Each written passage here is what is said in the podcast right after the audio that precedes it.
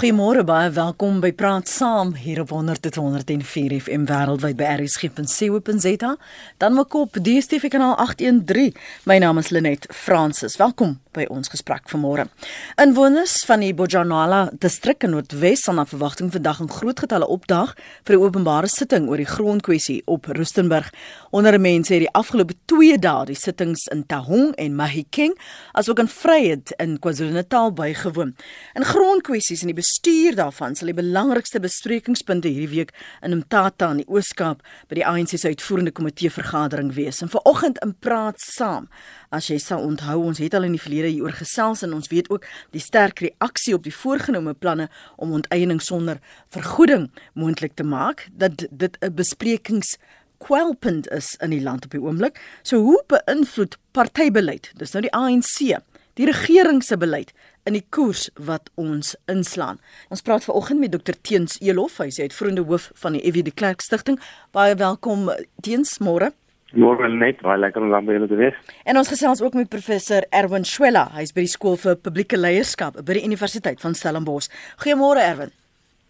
Goeiemôre net, môre Teens en al die luisteraars.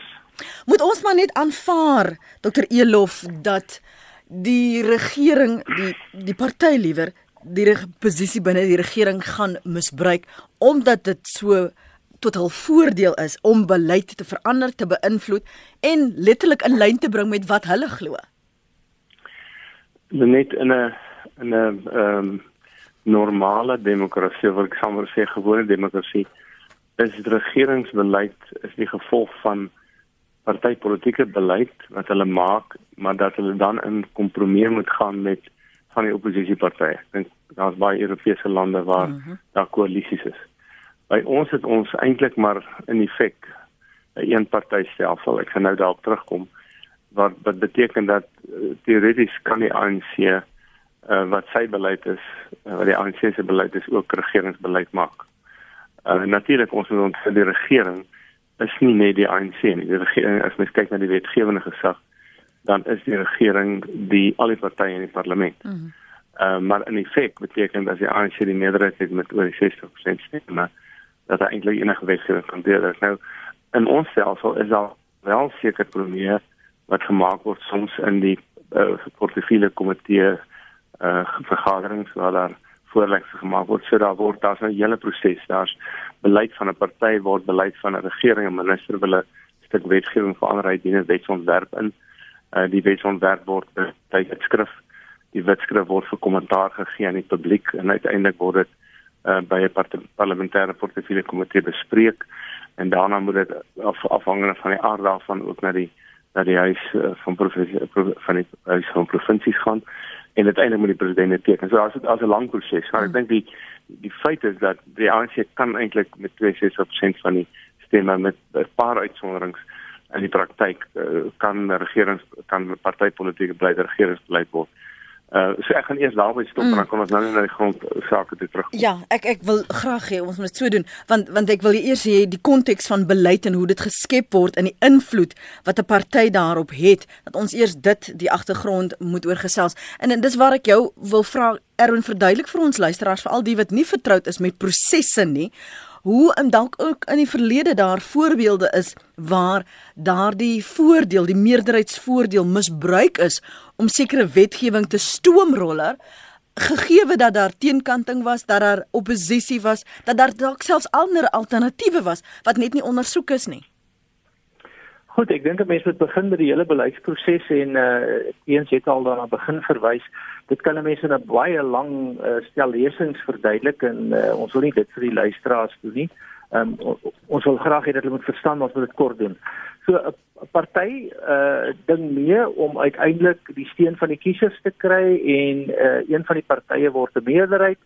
Die meerderheidsparty het bepaalde beleidsidees en daardie idees kan dan deur prosesse deur die party eerstens nê, nee, dit's gewoonlik uh, kom van die takke af of lede af. Mm -hmm. Dit gaan na partykongresse toe, dit gaan uiteindelik na die nasionale kongres toe en dan word dit op 'n manier op die agenda geplaas in Suid-Afrika weet ons mos nou van die van die van die uh, uh byvoorbeeld die ANC se se nasionale konferensie en daar word besluit dat grondonteiening sonder vergoeding uh behoort partybeleid te wees maar die partybeleid moet nou omskep word in regeringsbeleid dan is daar gewoonlik 'n toespraak ehm um, die ANC se toespraak hier in Januarie rond en na daardie toespraak word dit dan op die agenda geplaas uh, nam, namens die ANC uh van die van die parlement.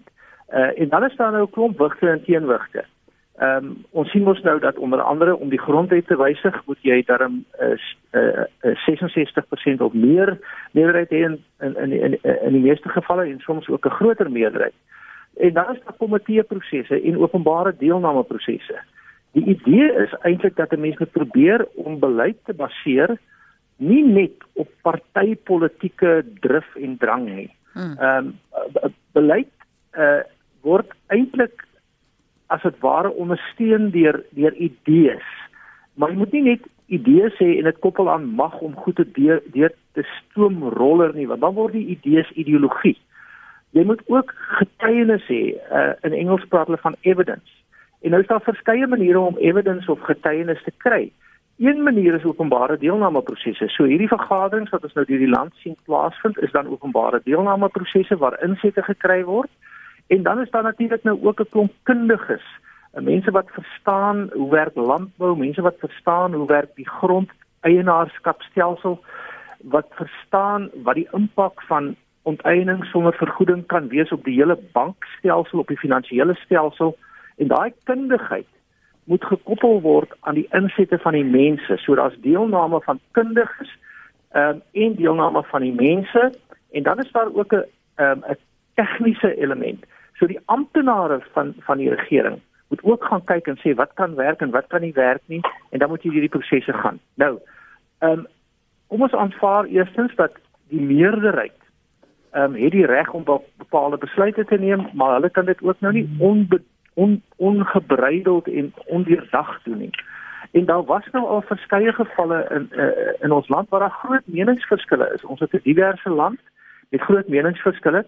Kom ons neem nou maar wetgewing uh, wat gaan oor oor oor, oor menslike uh, gedrag en seksualiteit.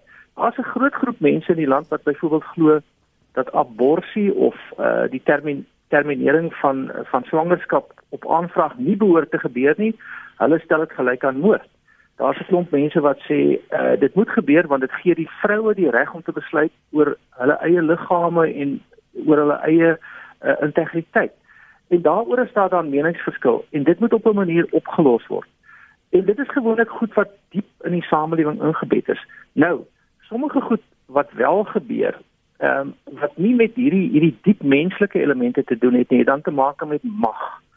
Wanneer partye onder druk kom, gaan hulle populêre besluite vir hulle ondersteuners probeer neem en dan gaan hulle soms ehm um, ondanks die getuienis en ondanks die slegte idees probeer om dit te verideologiseer en hulle gaan in 'n sekere sin hulle hulle lede as dit ware mobiliseer om ondanks hierdie probleme voort te gaan om hierdie goed te doen en dan gaan dit oor hulle eie partytetiese mag. Nou ek wil nie sê die grondhervormingskwessie is van die aard nie, maar ons weet dat daar uitdagings is aan die linkerkant van die ANC van die kant van die EFF wat beteken dat hulle moet kompenseer. Ek wil begin afsluit. So daar's baie gevalle waar die party eintlik nie vir die redes van goeie regering en en goeie dienslewering beleide aanvaar nie, maar omdat dit op 'n manier hulle help om hulle magsposisie intak te hou of uh uh, uh, uh dan terselfdertyd mm. ook te probeer uitbrei. En dan kry jy ideologiese besluite wat geneem word op emosie eerder as idee gebaseerde besluite wat geneem word op grond van getuienis of evidence voorbeelde is daar legio ja. ehm um, een sal ook vir jou kan noem oor goed wat gebeur het in universiteitswese ehm um, en al die soort van mm. dinge. Dis dis waar ons moet stil staan want on, in die verlede veral met al die ANC se konferensies en verlede jaar spesifiek dan in, in Desember met al die gesoeke na 'n nuwe leier teens was daar nie werklik bespreking van beleid nie en dit is veronderstel om 'n proses te wees waar jy geleentheid kry om te praat en ook wat op die tafel is sodat dit dan nou die rigting vir 'n nuwe leier en vir die vir die toekoms sou kon bepaal. Hierdie punt wat wat Erwin maak oor die mag of uitbrei of intak hou en dan populêre of populistiese besluite of uitsprake te maak. Het dit meer daarmee te doen dat daar is aansien of ondersteuning wat taan en nou gaan jy maar 'n kwessie neem wat jy weet reaksie gaan ontlont of lyk hmm. asof jy nou skielik nou weet jy hoeveel jaar sê mense daar moet oor gepraat word nie dat jy nou iets omtrent dit gaan doen of dat jy nou 'n nuwe beleidsrigting wil volg? Kyk, ek ek wil ek ek wil nou antwoord. Ek wil net vinnig by Erwin aansluit. In die ou dae voor 1994 was daar parlementêre soewereiniteit. Dit beteken dat die party wat die meerderheid in die in die parlement het kon doen wat hy wil. Hy het geen beperking gehad nie. Na 94 het ons 'n grondwet wat nie aan die ANC of aan enige party behoort nie. En die grondwet is nou die oppergesag van die hmm. reg. Hy be, hy bevestig die oppergesag van die reg. Maar enige ideologie van 'n party moet nou aan die grondwet voldoen. 'n Party kan dus nie buite die grondwet om sy ideologie of sy idees of sy beleid verwesenlik nie. Dit dit is die verskil tussen voor 94 en na 94. Nou die dis belangrik om te bepaal waar kom beleid vandaan? 'n Beleid kom soos Erwin gesê het van ideologie af. Uh, die ANC se so twee belangrike ideologiese raamwerke bly maar die nasionale demokratiese revolusie waar hulle 'n nasionaal demokratiese staat wat eintlik maar 'n sosialistiese staat is wil verwesenlik. Uh ja, almal almal uh, op gelyke voet ook ekonomies. En mens sien daarvan baie in die nuwe gesondheidstelsel wat voorgestel word. Waar eintlik gevra word dat middelklas mense wat nie van die staat se uh, dienste gebruik maak nie, die staat moet subsidieer. Die tweede in in die tweede een is die Freedom Charter. Nou die Freedom Charter was nooit uh, is 'n baie breë dokument. Uh, hy het ondertone nog teen apartheid destyds, maar die Freedom Charter word ons baie maal is die ander ideologiese dryfkrag van die ANC en teenoor hierdie twee staan die grondwet. En dis hoekom artikel 25 nou in aansegting is want die Freedom Charter en die NDR sê ons moet onteien sonder sonder vergoeding terwyl die grondwet sê ons kan nie onteien sonder vergoeding en dis hoekom dit nou geveg word. Die die die tweede punt wat ek wil maak is gewoonlik is daar drie redes hoekom 'n party uh, beleid wil maak. Uh, hy wil beleid maak die eerste wat ek genoem het is om sy eie ideologie te verwesenlik om in hierdie geval in Suid-Afrika gelykheid op 'n soort van 'n sosialistiese basis te, te bewerkstellig. Tweedens uh, gebruik hy beleid baie maal om sy eie tekortkominge weg te steek. En ek dink die grondwet is 'n baie goeie voorbeeld. Die die Galema Motlanthe kommissie het gesê ja. die grootste blame moet voor die regering se deur gelê mm. word oor die mislukking van grond. En nou doen die regering om om dit weg te steek, sê net maar kom ons vat grond sonder onteiening wat eintlik ook teen die aanbeveling van Gelem Atlantiese verslag is. So dis die tweede rede om tekort kom weg. Ek sê maar die belangrikste rede net in erwene daarna te, te loop verwys is partye is daar om aan bewind te bly. En daarom kyk hulle baie keer na beleid wat korttermyn uh voordele sal inhou maar wat op die lang termyn die land seermaak. En en ek dink daar wat my betref is die beste voorbeeld is die hele en ek noem dit 'n ideologie van demografiese demografiese verteenwoordiging by die sogenaamde 80992 beginsel dat alle instansies binne die staat en buite die staat moet 80% Afrikaner hê, net 9% amper nou minder as 9% wat bruin 9 in die 2 en dit word ideologies dwars deur uh, die stelsel van van uh, uh, gelyke diensneming van swart ekonomiese bemagtiging af afgedryf. So om nou terug te kom na jou na jou vraag toe, dit is dus so dat in hierdie geval uh die regering 'n sekere ideologiese standpunt wil wil verwesenlik, maar ek dink die die rede hoekom ons by by artikel 25 is is dat die regering iets radikaal wil probeer doen om steun terug te kry nadat hy vir 24 jaar wat betref grond grondhervorming nie sy werk gedoen het soos wat artikel 25 bepaal het. Kom ons praat oor die die oorgange gou Erwin. Veral net vir die luisteraars wat dalk net vaskyk teen 'n ANC 'n politieke party wat dan nou die RSG RSG RSA se se nasionale beleid beïnvloed. Die republikeine met die wyse die oorgang van van uh, oud president Barack Obama na 'n uh, Donald Trump. Die republikeine demokrate die wyse waarop sekere besluite geneem is hoe Hoe hoe is daai transisie? Hoe is daai oorgang? En hoe verander dit? Uh, moet jy maar eers wag vir wat hulle prosesse ook sou wees voordat jy kan begine verander? Gaan jy maar eers vir die vir die begin aan met wat op die tafel is? Wanneer begin jy Pieter? Goed, uh, kom ons begin weer te sê dat ehm um, binne die politieke dinamika is daar 'n klomp veranderlikes wat uiteindelik 'n uh, beleid en regeerprosesse uh beïnvloed. En een van die oorgange wat kan gebeur is byvoorbeeld die oorgang van leierskap. Ons weet nou dat ons 'n hele aantal jare van die die uh, president Zuma se regime ehm um, dat ons 'n oorgang gehad het nou na president Ramaphosa. En in vele opsigte wil dit lyk asof uh, president Ramaphosa 'n uh, uh, ander benadering en styl het.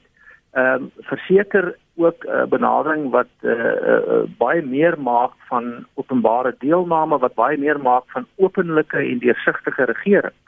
Ehm um, terselfdertyd uh, het hy dan ook nodig om sy steunbasis binne die party en dis nou weer daai impak van dat jy moet jou party steun behou sodat jy daarna uh met jou party probeer om die steun van die gemeenskap te wen om 'n meerderheid te kry en daarna dan binne die regering op een of ander manier invloedryk kan wees.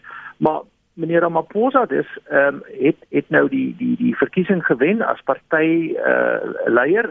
En terloops ons weet mos nou op 'n dag gebeur dit interessant. Ehm um, president Zuma of oud president Zuma moes eintlik nou nog regeer het, maar die party het besluit om hom te vervang en uiteindelik is president Ramaphosa nou die president.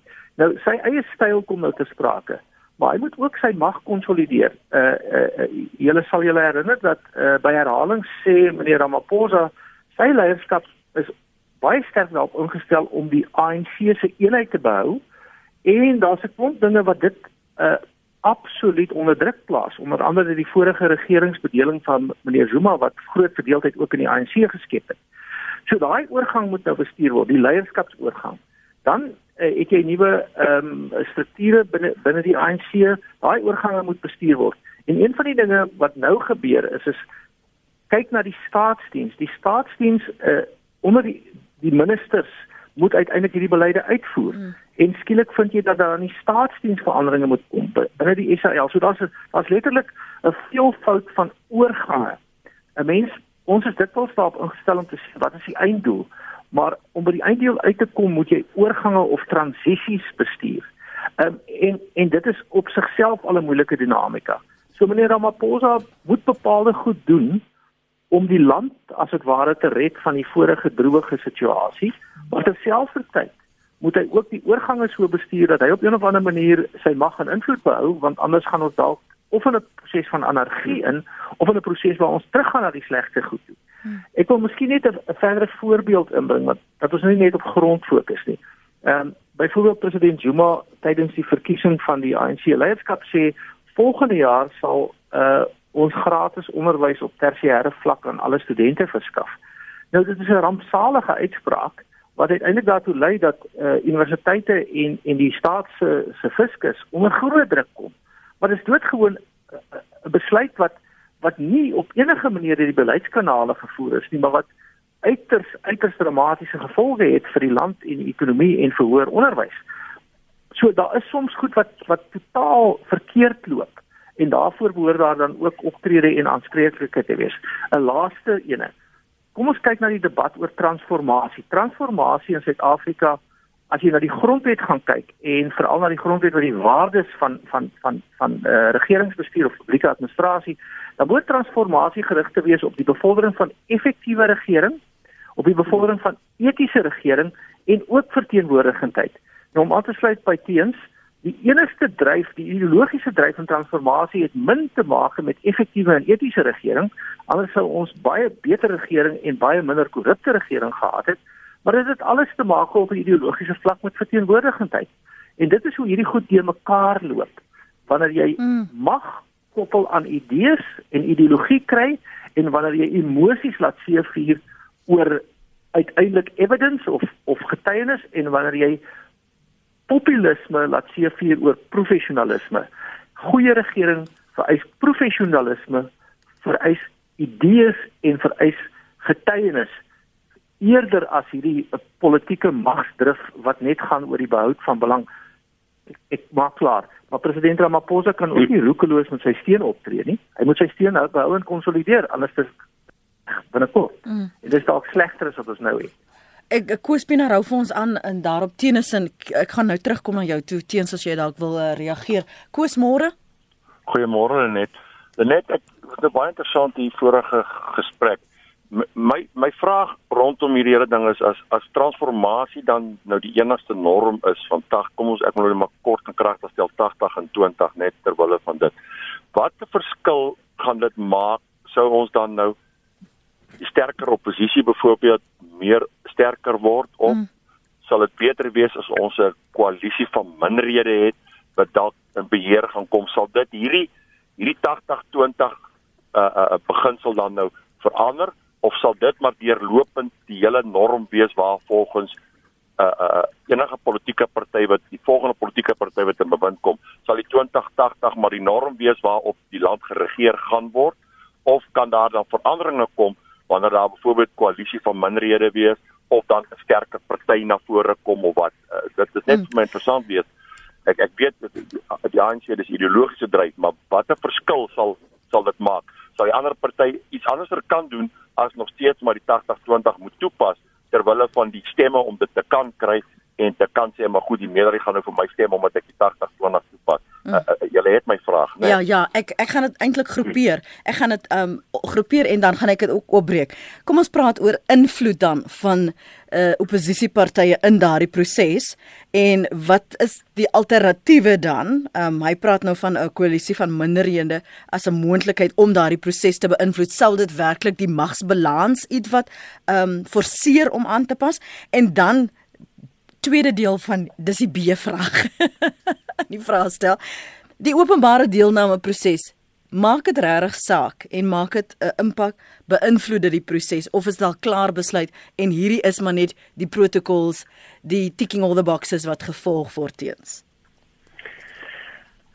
Een een opmerking oor wat Erwin gesê het. Ek dink ons het in billikheid ook sê daar baie keer in intern in die ANC is daar spanninge. Dis 'n die ANC bly steeds 'n uh, breë kerk uh in dat daar uh, soos onlangs vanoggend het uh, minister Manuel gesê hy sê een van die insig met uh, met beleggings soek in die buiteland hy sê dit is baie moeilik om onteiening sonder vergoeding te verduidelik. Nou ek ek het dit ook gesê. En en hy dis 'n sekere mate dis nou kritiek van binne die party om te sê oor hierdie ding uh, is nie so maklik verkoopbaar so dan ek sê ek dink die die ANC het nog altyd 'n reputasie gehad dat party van sy erns die sterkste oppositie kom van binne die ANC wat betref die die verskil um, in in in in in die balans as as die magsbalans verander. Ek die ANC sê in sy beleidsdokumente dat hy as party ehm um, as as drywer van die nasionale demokratiese revolusie moet al die hefbome van mag in die hande kry uh, in die staat en en in die maatskappy. So daar is 'n soort van 'n ideologie eie aan die ANC en hulle doen natuurlik omdat 80% 'n groot deel van die steunbasis is in die swart gemeenskap. Ehm um, as die as daar 'n ander party in bewind sou kom, sien ons as 'n koalisie, dan sou daar waarskynlik 'n bietjie verandering uh, kom hierin. Aan die ander kant wil ek sê dat die DA die afgelope tyd veral in die Weskaap het hulle sterk probeer Afrikaniseer. Hulle probeer om meer uh, sogenaamde Afrikaners in te bring. Uh, hulle waarskynlik die die die breinstem iets wat vervreem en hulle is besig om die witstem te vervreem. Wat beteken dat enige party, ek dink dit is wat Koos moet verstaan, enige party wat die meerderheid uh, regering in die land wil hê, sal na die swart meerderheid se belange moet kyk. Dis net wanneer genoeg swart mense vir 'n ander party stem as die meerderheidsparty vir die ANC, dat jy 'n bietjie nuance sal kry en dat mense meer na die grondwet sal kyk. Wat sê die grondwet oor hierdie sake? Uh, as wat ons sê die die die die, die party se belange. En die grondwet het geen, geen formule. Die grondwet sê dan moet in net in die staatsdiens moet daar die die die, die breë demografie moet gespeel word. Nie 80 99 nie, die breë demografie. Die probleem is dat die ideologie van die samelewing self van die howe en self van die besigheidssektor, hulle het klakkeloos net al vir dit moet 80 99 is. Die die tweede jou uh, B-vraag ehm um, net is ek dink daar is sommige openbare deelname prosesse wat wat wel uh, in in in pakket. Ehm uh, ek praat nou nie breë nie, net in 'n ja. grond nie want ek dink daar's daar soms tegniese argumente ergens genoem iets wat totaal onbekostigbaar is. As as iemand kan kom wys en die tesourier sou saamstem dat hierdie saak kan ons nie bekostig uh, ongebreideld nie dan dink ek uh, is al voorwelle wat verander ek dink die die uh, uh, hele kwessie van gratis tersiêre onderwys is reeds verander na na hulle wat minder as 600 dis ouers minder as 600 000 rand verdien. So dis nie deur die bank nie, dan skort klare kwalifikasie. Dit het gekom deur deur deelname openbare deelname. Ek dink die tweede ding wat betref sien maar die grond, kom ons kom so intoe. Ek vermoed dat uh, dat die dat die openbare deelname verhore wat ons nou sien het maar een het, het een of twee refreine. Aan die een kant is dit ja ons wil, aan die ander kant nee ons kan nie want dit gaan die ekonomie baie sterk seer maak. Uiteindelik sal die parlement daaroor moet besluit. En ek dink die dit wat in die voorleggings die oor die 400 000 voorleggings wat ontvang sal maar moet moet fyn van, maar ek dink dis daar sal die openbare deelname presies dieselfde verskil maak. Ek dink nie ons moet ja, dit sal nie 'n verskil maak nie. Hmm. Ons moet aanhou om deel te neem. Maar dit is die persepsie Erwin dat dit dikwels gedoen word vir vertoon. En dit is waarom so baie van die kleiner gemeenskappe en groeperinge voel maar hoekom nog moeite doen ons word nie na geluister nie ons stemme word nie gehoor nie en dit is maar net om seker te maak dat alles op papier lyk asof daar openbare deelname was. Is daar tasbare beleid wat sterk beïnvloed is? Ek weet teens dit nou verwys na die ehm um, Fiesmas volveld tog en in wat daar besluit is, maar in die verlede waar 'n groep of selfs 'n nie regeringsorganisasie die druk wat uitgeoefen is, die rigting waarin 'n beleid gegaan het, wel verander het of omgekeer het selfs of gestaak het. Ek dink daar is wel voorbeelde. Ehm um, mense kan nou interessante uh, onderskeidings gaan maak, gaan kyk onder watter omstandighede is dit makliker en moeiliker.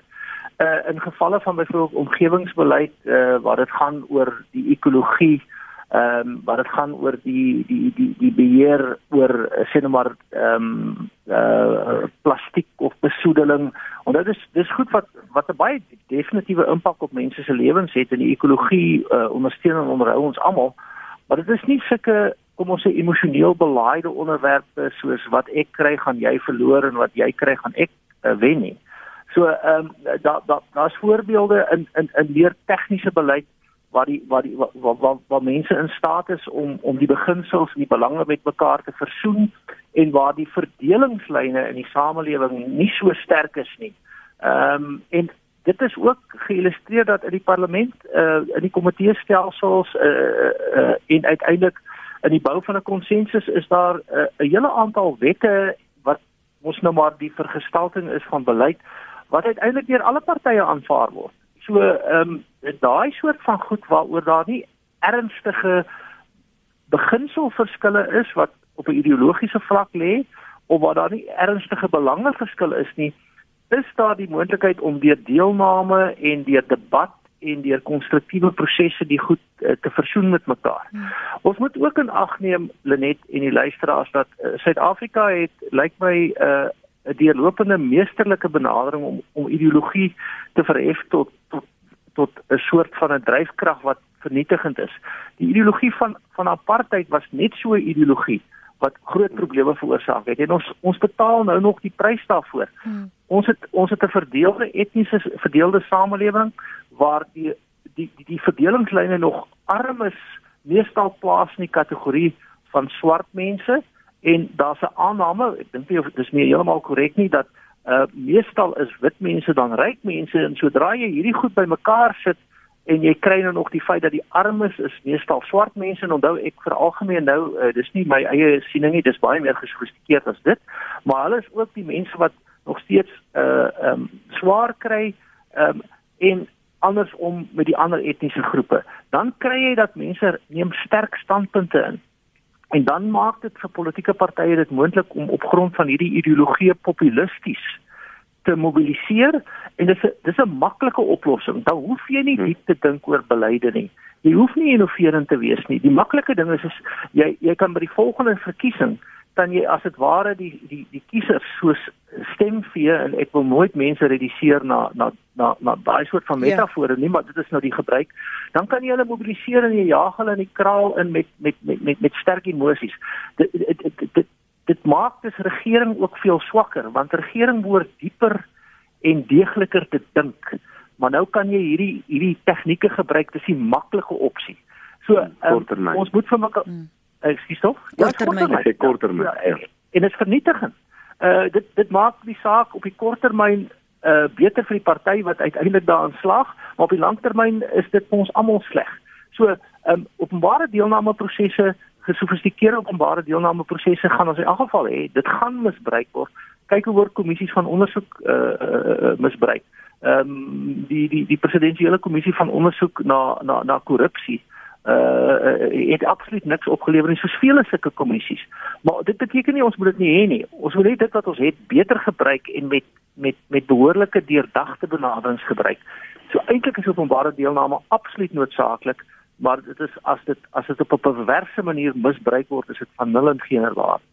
Praat saam hier op uh, 100.104 FM wêreldwyd by rsg.co.za. Professor Erwin Schwellers by die Skool vir Publieke Leierskap by die Universiteit van Stellenbosch en Dr. Teens Elof as uitvoerende hoof van die Evie de Klerk Stichting. Ons praat oor hoe partybeleid 'n regering se beleid beïnvloed. Fani Vivier is aan die woord. Môre Fani. Goeiemôre. Ja, ehm um, wat eintlik gebeur op hierdie stadium? Ons lewe in 'n profetiese tydperk volgens die Bybel. Ek weet almal is die Christene nie en almal het hulle eie gelowe en dis heeltemal in orde. Maar al wat ek kan sê is omdat dit die profetiese voorspellings is, ons die blankes of die regverdiges sal nooit weer aan bewind kom solank as wat hierdie wêreld bestaan nie. Want Satan is aan die oorheersende uh uh kant as jy vat dis nie net die land of die land ou kwessie nie jy vat pornografie jy die ehm uh, uh, uh, dames wat hulle Okay Fanny, skus tog. Kan ek gou vir jou vra? Uh, Fanny, skus om jou te onderbreek. Ja. Uh, wat is jou punt uh, rakende die onderwerp vanoggend? Hoe partybeleid die regering se beleid? Is, dit is te vergees vir die goeie mense om te probeer om ooit weer 'n wind van Suid-Afrika te kry dit sal eenvoudig aan die swartes en aan die meer gewelddadige mense oorgegee word. Die die ander mense sal net uitval. Sodat dit een Lenet, een Lenet, ja. Lenet, ja, Lenet, ja dankie Erwin. Gaan voort. Lenet kan ek net hier ek eerlikwaar sonder om nou 'n beperking op mense se vryheid van spraak te plaas en dit moet 'n mens nie doen nie verseker nie. Maar maar hierdie soort van absolute ideologiese beredenerings dink ek is presies waarteen ons moet waak. Ehm um, ja, ek, met alle respek ek, ek, ek, ek, ek, ek jy is reg. Jy is reg, want ja, ek jy die slegtes gaan oorheers. Goed, Frans, Frans, Fanny, lekker dag daar vir jou. Dankie vir jou vir jou mening. Ook die aanname wat ons moet maak, ons almal is Christene het nie kleer nie of of ateïste ja, welkom. 80% van die land se mense Christene. Ja. Uh ons mag verskillende uh, beleids maar te sê wit mense is Christen en goed en mm. swart mense is nie Christen en sleg nie. Dit is 'n verskriklike veralgemening. Ek wil die die meerderheid van die mense in die land, ek dink daar's maar so 12% wat nie enige geloof aanhang nie. Die ander is gelowig. Ja, jy hoef net Moria toe te gaan om dit te gaan sien. Ja. Dis um, ons gesels vanmôre oor partybeleid en hoe dit die regering se beleid beïnvloed. Kan ons onderskeid tref. Raak ons so verstrengel in wat regeringsbeleid is en wat ANC beleid is, Erwin dat dit moeilik raak om die twee van mekaar te skei. Wel, daar moet 'n groot mate van oorvleeling wees tussen die ANC se beleid en die regering se beleid. Die ANC besluit van sake is die party wat deur die meerderheid mense in hierdie land verkies is om hulle te regeer. En die ANC se beleidsrigtinge moet op een of ander manier figureer. Ehm um, maar ons weet mos nou ook dat uh, dit is juis die waarde van goeie demokrasie, konstitusionele grondwetlike demokrasie, ehm um, dat dat daar kruiskontroles is, dat daar uh, wigte en teenwigte is. So ons het 'n hele stelsel wat ons in ons grondwet ingebed het. Selfs die grondkwessie kan nie net sommer gebeur nie. Ehm um, soms is daar uitskieters uh, soos die president of die vorige president wat aankondig heeltemal vir vir vir vir vir vir redes van partytetiese steun binne die party dat uh, dat dat ons nou gratis tersiêre onderrig gaan hê. Maar maar dis dis dis 'n uitskieter. Die ANC se beleid moet gereflekteer word in regeringsbeleid. Ehm um, en dan is daar die prosesse wat jy uiteindelik kan neem die grondkwessie gaan uiteindelik nog in die grondwetlike hof gaan. Daar's geen twyfel daaroor nie. So ehm um, uh, uh, ja, ek so ek bevestig net en herhaal dalk met dis. Natuurlik moet die ANC se beleid as die beleid van die party wat deur die meeste mense in hierdie land verkies is om te regeer moet figureer. Maar dit moet nou nie beleid wees wat op die ou end gebaseer is doodgewoon net op die korttermyn politieke voordeel van die ANC nie. Die ANC is ook my regering ehm um, en ek het nie my partytetiese voorkeur verklaar nie. Miskien steun ek self die ANC of miskien steun ek hulle nie. Maar die regering van die dag, soos die president van die dag is my regering ook en is my president ook. En ek verwag dus dat daar 'n soort ewehandige, deurdagte en ehm um, rasionele optrede moet wees ook ten opsigte van my en al die ander mense se belange wat nie ANC-lede is nie of uh wat op een of ander manier geraak word deur die beleid. So weer eens ja. om om om dit kortliks te stel, die ANC se beleid moet in die regeringsbeleid figureer, maar op 'n redelike en op 'n deurdagte en op 'n manier wat uiteindelik bydra tot tot die land se se se se se welvaart en en en en, en goed uh, dat dit dat dit die land beter af. Hier is twee menings. Ja, teens hou net so vas vir 'n oomblik. Ek wil gou koes van Waterval se SMS lees en dan Gabe sinne, ek hoop Gabe se spreek jou naam korrek uit. Koos sê 'n koalisie van minderhede werk net goed in die begin, daarna begin die partye mekaar opvreet soos nou gebeur. En dan sê Gabe, ek is bevrees die goed sal eers rigting kry na die volgende verkiesing. Die ANC is bang dat hulle erge stemme sal verloor as onpopulêre, maar logiese verandering gedoen met ander woorde beter te maak vir ons vir al, vir al ons mense. So hoe versigtig uh, jy gaan nou jou mening gee. Hoe hoe versigtig trap Cyril Ramaphosa op die oomblik met hierdie gesprekke? Uh, is dit maar 'n uh, kom ons kyk tot na 2019? Ek wil net net by Erna aansluit, dan gaan ek haar vraag antwoord. Uh, Dankie. Mag uh, net die, die ek dink om net ook in vinnig te stel, daar's twee beperkings op die ideologie of die beleid van 'n party. Die eerste is haalbaarheid praktiese uitvoerbaarheid. Dit bekostigbaar is deel af. En anderre kan dit werk of is dit 'n weet is dit iets in 'n droom in in in, in die lug. Ja. En ek dink byvoorbeeld dat 'n minister soos die minister van gesondheid kan sê hy gee nie om wat gaan hy die stelsel kos vir gesondheid as ek dit nie sê werk nie. Hy sê die stelsel op die tafel is onsinnig. Dit is totaal onsinnig. So dit is die eerste diskwalifisering. As, as hy sê hy geen omhoor waar moet die geld van kom dan kan dit nie werk. So dis die eerste beperking. Die tweede beperking wat ek weet is die grondwet. Die grondwet enige wetgewing moet in lyn met die grondwet wees. So daar's nie ongebreidelde partytetiese beleid wat toegepas kan word na 94. Die grondwet is die beperking en ANC is natuurlik deel van die grondwet. So ek wil net gesê dis dis die, die praktiese uitvoerbaarheid daarvan wat koste ook insluit en natuurlik die grondwet. Mm. Wat betref uh, ons president ehm um, Ek dink dis hy hy hy's onder hoë druk. Ehm uh, binne die ANC, hy uh, sy sy soos enige politieke party moet hy keer dat sy party skeer en verloor by verkiesing. So sy eerste ek wil nie sê ongelukkig nie, maar realisties, is sy eerste uh ehm uh, doelwit is om te seker maak dat die ANC nie skeer nie en dat die ANC daarom redelik goed sal doen by die by die verkiesing. Dit is die eerste van die tweede punt is sy magsbasis daarom nie gekonsolideer nie, Erwin daarvan gepraat en al wat sy magsbasis regtig gekonsolideer is dat hy sal wen met access sou dan omtrent 55% van die stemme. As hy minder as 55% kry of dalk nog selfs uh, nader aan 50, dan sal hy onder druk wees en mense sal sê weet ons het laas 62 en dit is so geval. Maar gegee wat gebeur het in die in die plaaslike verkiesings dink ek 'n 55% se minimum vir die president sy magsbasis wat ons konsolideer en dan sal ons kan sien dat hy seker is goed sterker doen wat hy dalk nou nie doen nie en dat hy dat hy meer in landsbelang sal optree waarop die oomblik dink ek is die retoriek van grondhervorming self sy eie retoriek oor die nasionale gesondheidstelsel is maar gemaak om stemme te wen en seker te maak dat die ANC nie skeer nie want die ANC se ideologiese verskille binne die ANC is is ook baie groot. So ek dink hy hy, hy trap hy, hy loop kat voet absoluut. Uh, en hy is onder druk van uh, nie net uh, van verskillende ideolo ideologieë in die party nie maar die die Zuma faksie uh, kom terug. Mm. Uh, hulle hulle druk terug op verskillende maniere en en hy moet dit agneem en die belangrikste ek dink die mees sigbare daarvan is wat in die afgelope tyd in KwaZulu-Natal gebeur het en en dit is hoekom hy so baie vinnig was om vir die koning van die Zulu te sê ja. moenie bekom dat jy ons vat nie julle grond nie bely vir ons stem was die was die onderliggende boodskap. Mm. ons gaan nou kom by Johan de Wet daar op Belfast maar net vir agtergrond vir van die luisteraars dit is hoekom jy het verwys na die geld in die grondwet en dat dit in die pad staan vir baie van hierdie veranderinge en dit is daarom hoekom daar so baie druk en klem is op sekere wysigings aan artikel 25 van die grondwet om hierdie grondoneening sonder vergoeding vir, vir baie moontlik te maak. Net geagtig. Uh, ja.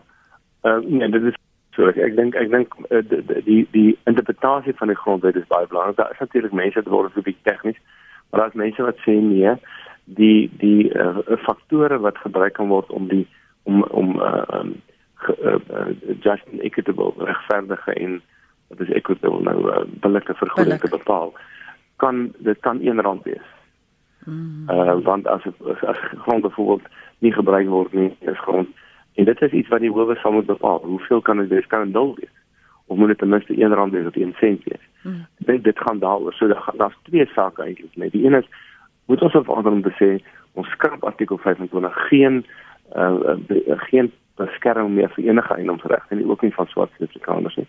Of uh, die ander kant sal sê verander hom net sodat ons sekere soorte grond grond wat byvoorbeeld uh, nie gebruik word nie, grond wat uh, wat uh, um, wat dalk bekom is op 'n op 'n onwettige manier, kan ons dit onteien met 1 rand 1 rand vergoeding alleen. Ek dink dis dis 'n baie genuanceerde ene, maar uiteindelik wat in geval wat my betref en vir die stigting gaan dit oor die grondwet en die integriteit van die grondwet. Maar ons meen dat artikel 25 en wat die regering kan doen met artikel 25 gee genoeg uh, uh, ruimte om ordentlike grondhervorming te laat plaasvind soos wat moes gebeur in die afgelope 20 jaar.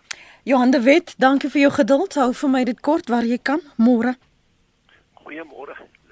My naam is Johan. Dit uh, ons het nou vanoggend geluister dat ons uh, gaste daar sê hy moet heeltyd oor sy skouer kyk. Dit is 'n volle mooi uitdrukking. Hy moet oor sy skouer kyk want hy wil in verkiesing wen, maar hy moet ook nie ander mense van hom vervreem nie. Maar nou moet ons bietjie dink daaraan. Hierdie oppositie wat ons op die oomblik het. Hulle is ook maar onder mekaar verdeel. Maar maat as hy hierdie ding deurvoer, dat jy gaan mense kry wat op straat sit as hy van sy plaas afgesit word, dan gaan dit die oppositie maak nie saak watter kant toe nie, gaan dit konsolideer. En jy weet daar is nog uh, plekke waar dit gaan geld en dit is byvoorbeeld komitees, komitee vergaderings. Jy gaan sien dit gaan begin aggressief raak daar. Kyk wat maak julle julle laat mense uh, swart kry. En uh, hy moet nou verseker bietjie na die oppositie ook kyk om daar 'n bietjie troos te bring. En dit is maar 'n vreeslike ding. Ek wou net dit gesê, dankie. Dankie daarvoor ehm um, Johan. Mevrou Vosloo? Uh uh ek wil graag ehm um, vir die twee mans vra. Weet jy toe ek ehm um, gebore was, ons was in 'n weeshuis gewees. En nadat ons uit die skool uit gekom het, het ons onsself besluit het gaan ons 'n goeie 'n uh, 'n uh, 'n uh, lewe maak of gaan ons 'n slegte lewe maak omdat ons in 'n weeshuis gesit was. En ek het uh gewerk en ons is getrou en nadat ek eers 45 jaar oud was, kon ek 'n kaardige ou huisie bekostig het. Maar wat my ek moet net sê ek het nie voor die apartheidsregering gaan staan en skree ek wil 'n huis verniet hê ek wil 'n huis verniet hê. My kinders moet 'n uh, 'n uh, 'n uh, skoolgeld nie betaal nie. Ons moet nie skoolgeld betaal nie. Ons moet nie dit doen nie nou ek kan nie verstaan nie. Een professor sê daar is die wit mense is ryk en die swart mense is armer.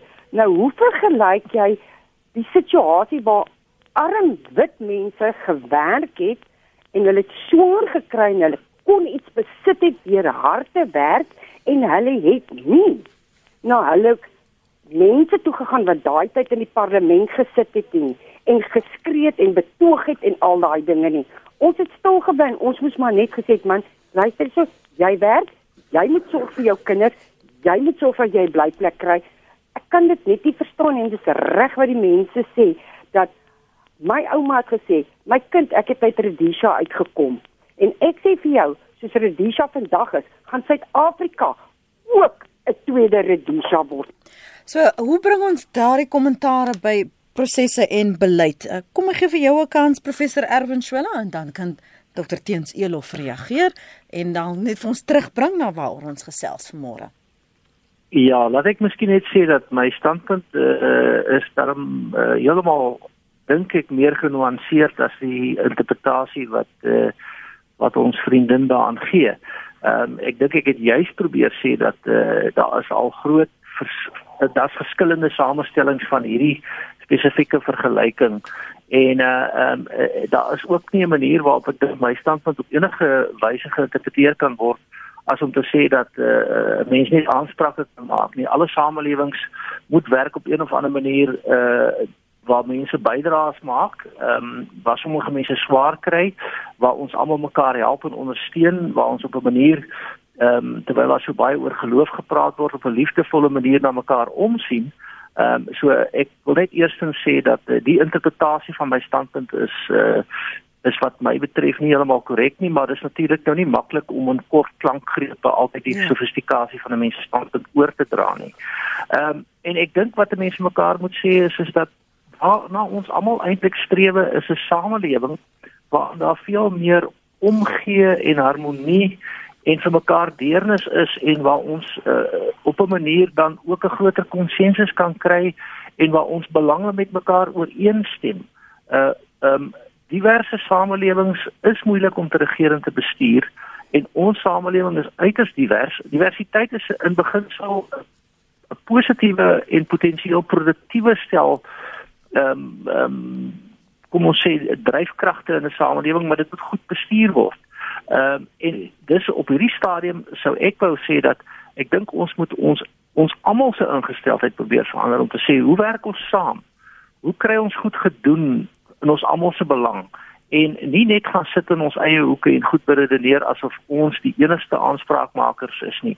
Ehm um, en ek gaan op geen manier uh dit sal ek ook direk en reguit sê dat dat dat die dat dat die, dat die ideologiese benaderings wat ons nou het is vergelykbaar met die ideologiese benaderings wat ons gehad het in terme van alles regverdig in terme van 'n soort van die uh skeiingsideologie van apartheid.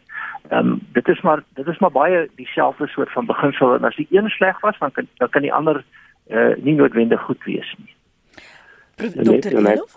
Kan ek vanaand ja, ek dink in eerste plek moet ons sê dat onlangs 'n uh, meningsopname het gewys dat van van swart mense Afrikaners is 41% lewe onder die broodlyn en daar is 1% wat mense brood. So die die getalle is dit beteken daar is nie arm wat mense, daar is arm mense. Maar daar's meer arm swart mense ook selfs proporsioneel. Die tweede ding wat ek wel met met uh, met voorstel saamstem is ek dink ons ons ons het in 'n tyd ingegaan waar ons wel anders tyd van toeëning uh, Engelse woord entitlement uh, waar waar mense ook as gevolg van die toelaas wat die sosiale toelaas raak mense gewoon afhanklik van die staat en wil nie werk nie. Uh, amper so wat in Engeland daar al 2, 3 geslagte is van mense op die sogenaamde doulas. Dit is baie gevaarlik. Dit dit werk in die hand amper 'n sosialistiese stelsel want die staat moet na almal kyk. Die staat word dus die die broodwinner in plaas van dat die staat die die huishouder, die huishouer wees waar die mense dan geleentheid kry om te werk. So ek ek stem daarmee daar saam. Ek dink daar's daar's 'n toeëningskultuur onder baie van ons mense wat dit baie moeilik maak en en as jy dit het dan dan dan wil jy nie werk nie, daar's geen inisiatief nie. Maar 'n derde punt wil ek sê dat in die tyd toe ek nou en ek aanvaar ons sit onder dieselfde selfde uh, ouderdom. Uh, toe ek groot geword het, hierdie ekonomie gegroei teen 5-6-7%. Dan was dit werk. Op die oomblik groei ons ekonomie teen 1.5% as dit so baie is daar is selfs vir die wat wil werk, is dat dit nie werk nie. En dit is die grootste daar's twee groot groot mislukkings van van ons huidige regering. Uh behalwe 'n grondhervorming. En die eerste is die ekonomie. Uh, dat dat die ekonomie nie wegkom van van 1.5%. Ek dink die hoogste wat ons gegroei het in taal bietjie tyd twee kwartale 5%. Ons het dit nodig. Die tweede is om 'n ekonomie te laat groei, geskoolde mense nodig. En ek weet dit is nie vandag is tyd om oor onderwys te praat, maar ons onderwysstelsel is misluk. So ons die mense wat die werk nodig het, is nie is nie uh het nie die vaardighede om die werk te kan doen nie. En en dis deel van die ekonomiese probleem. Maar om maar om om, om saam te vat, ja, nie vir vir vir toeëning, maar ja vir ekonomiese bemagtiging op die regte manier. Baie dankie vir julle beskikbaarheid vanoggend, Dr Teens Elof en professor Erwin Swela.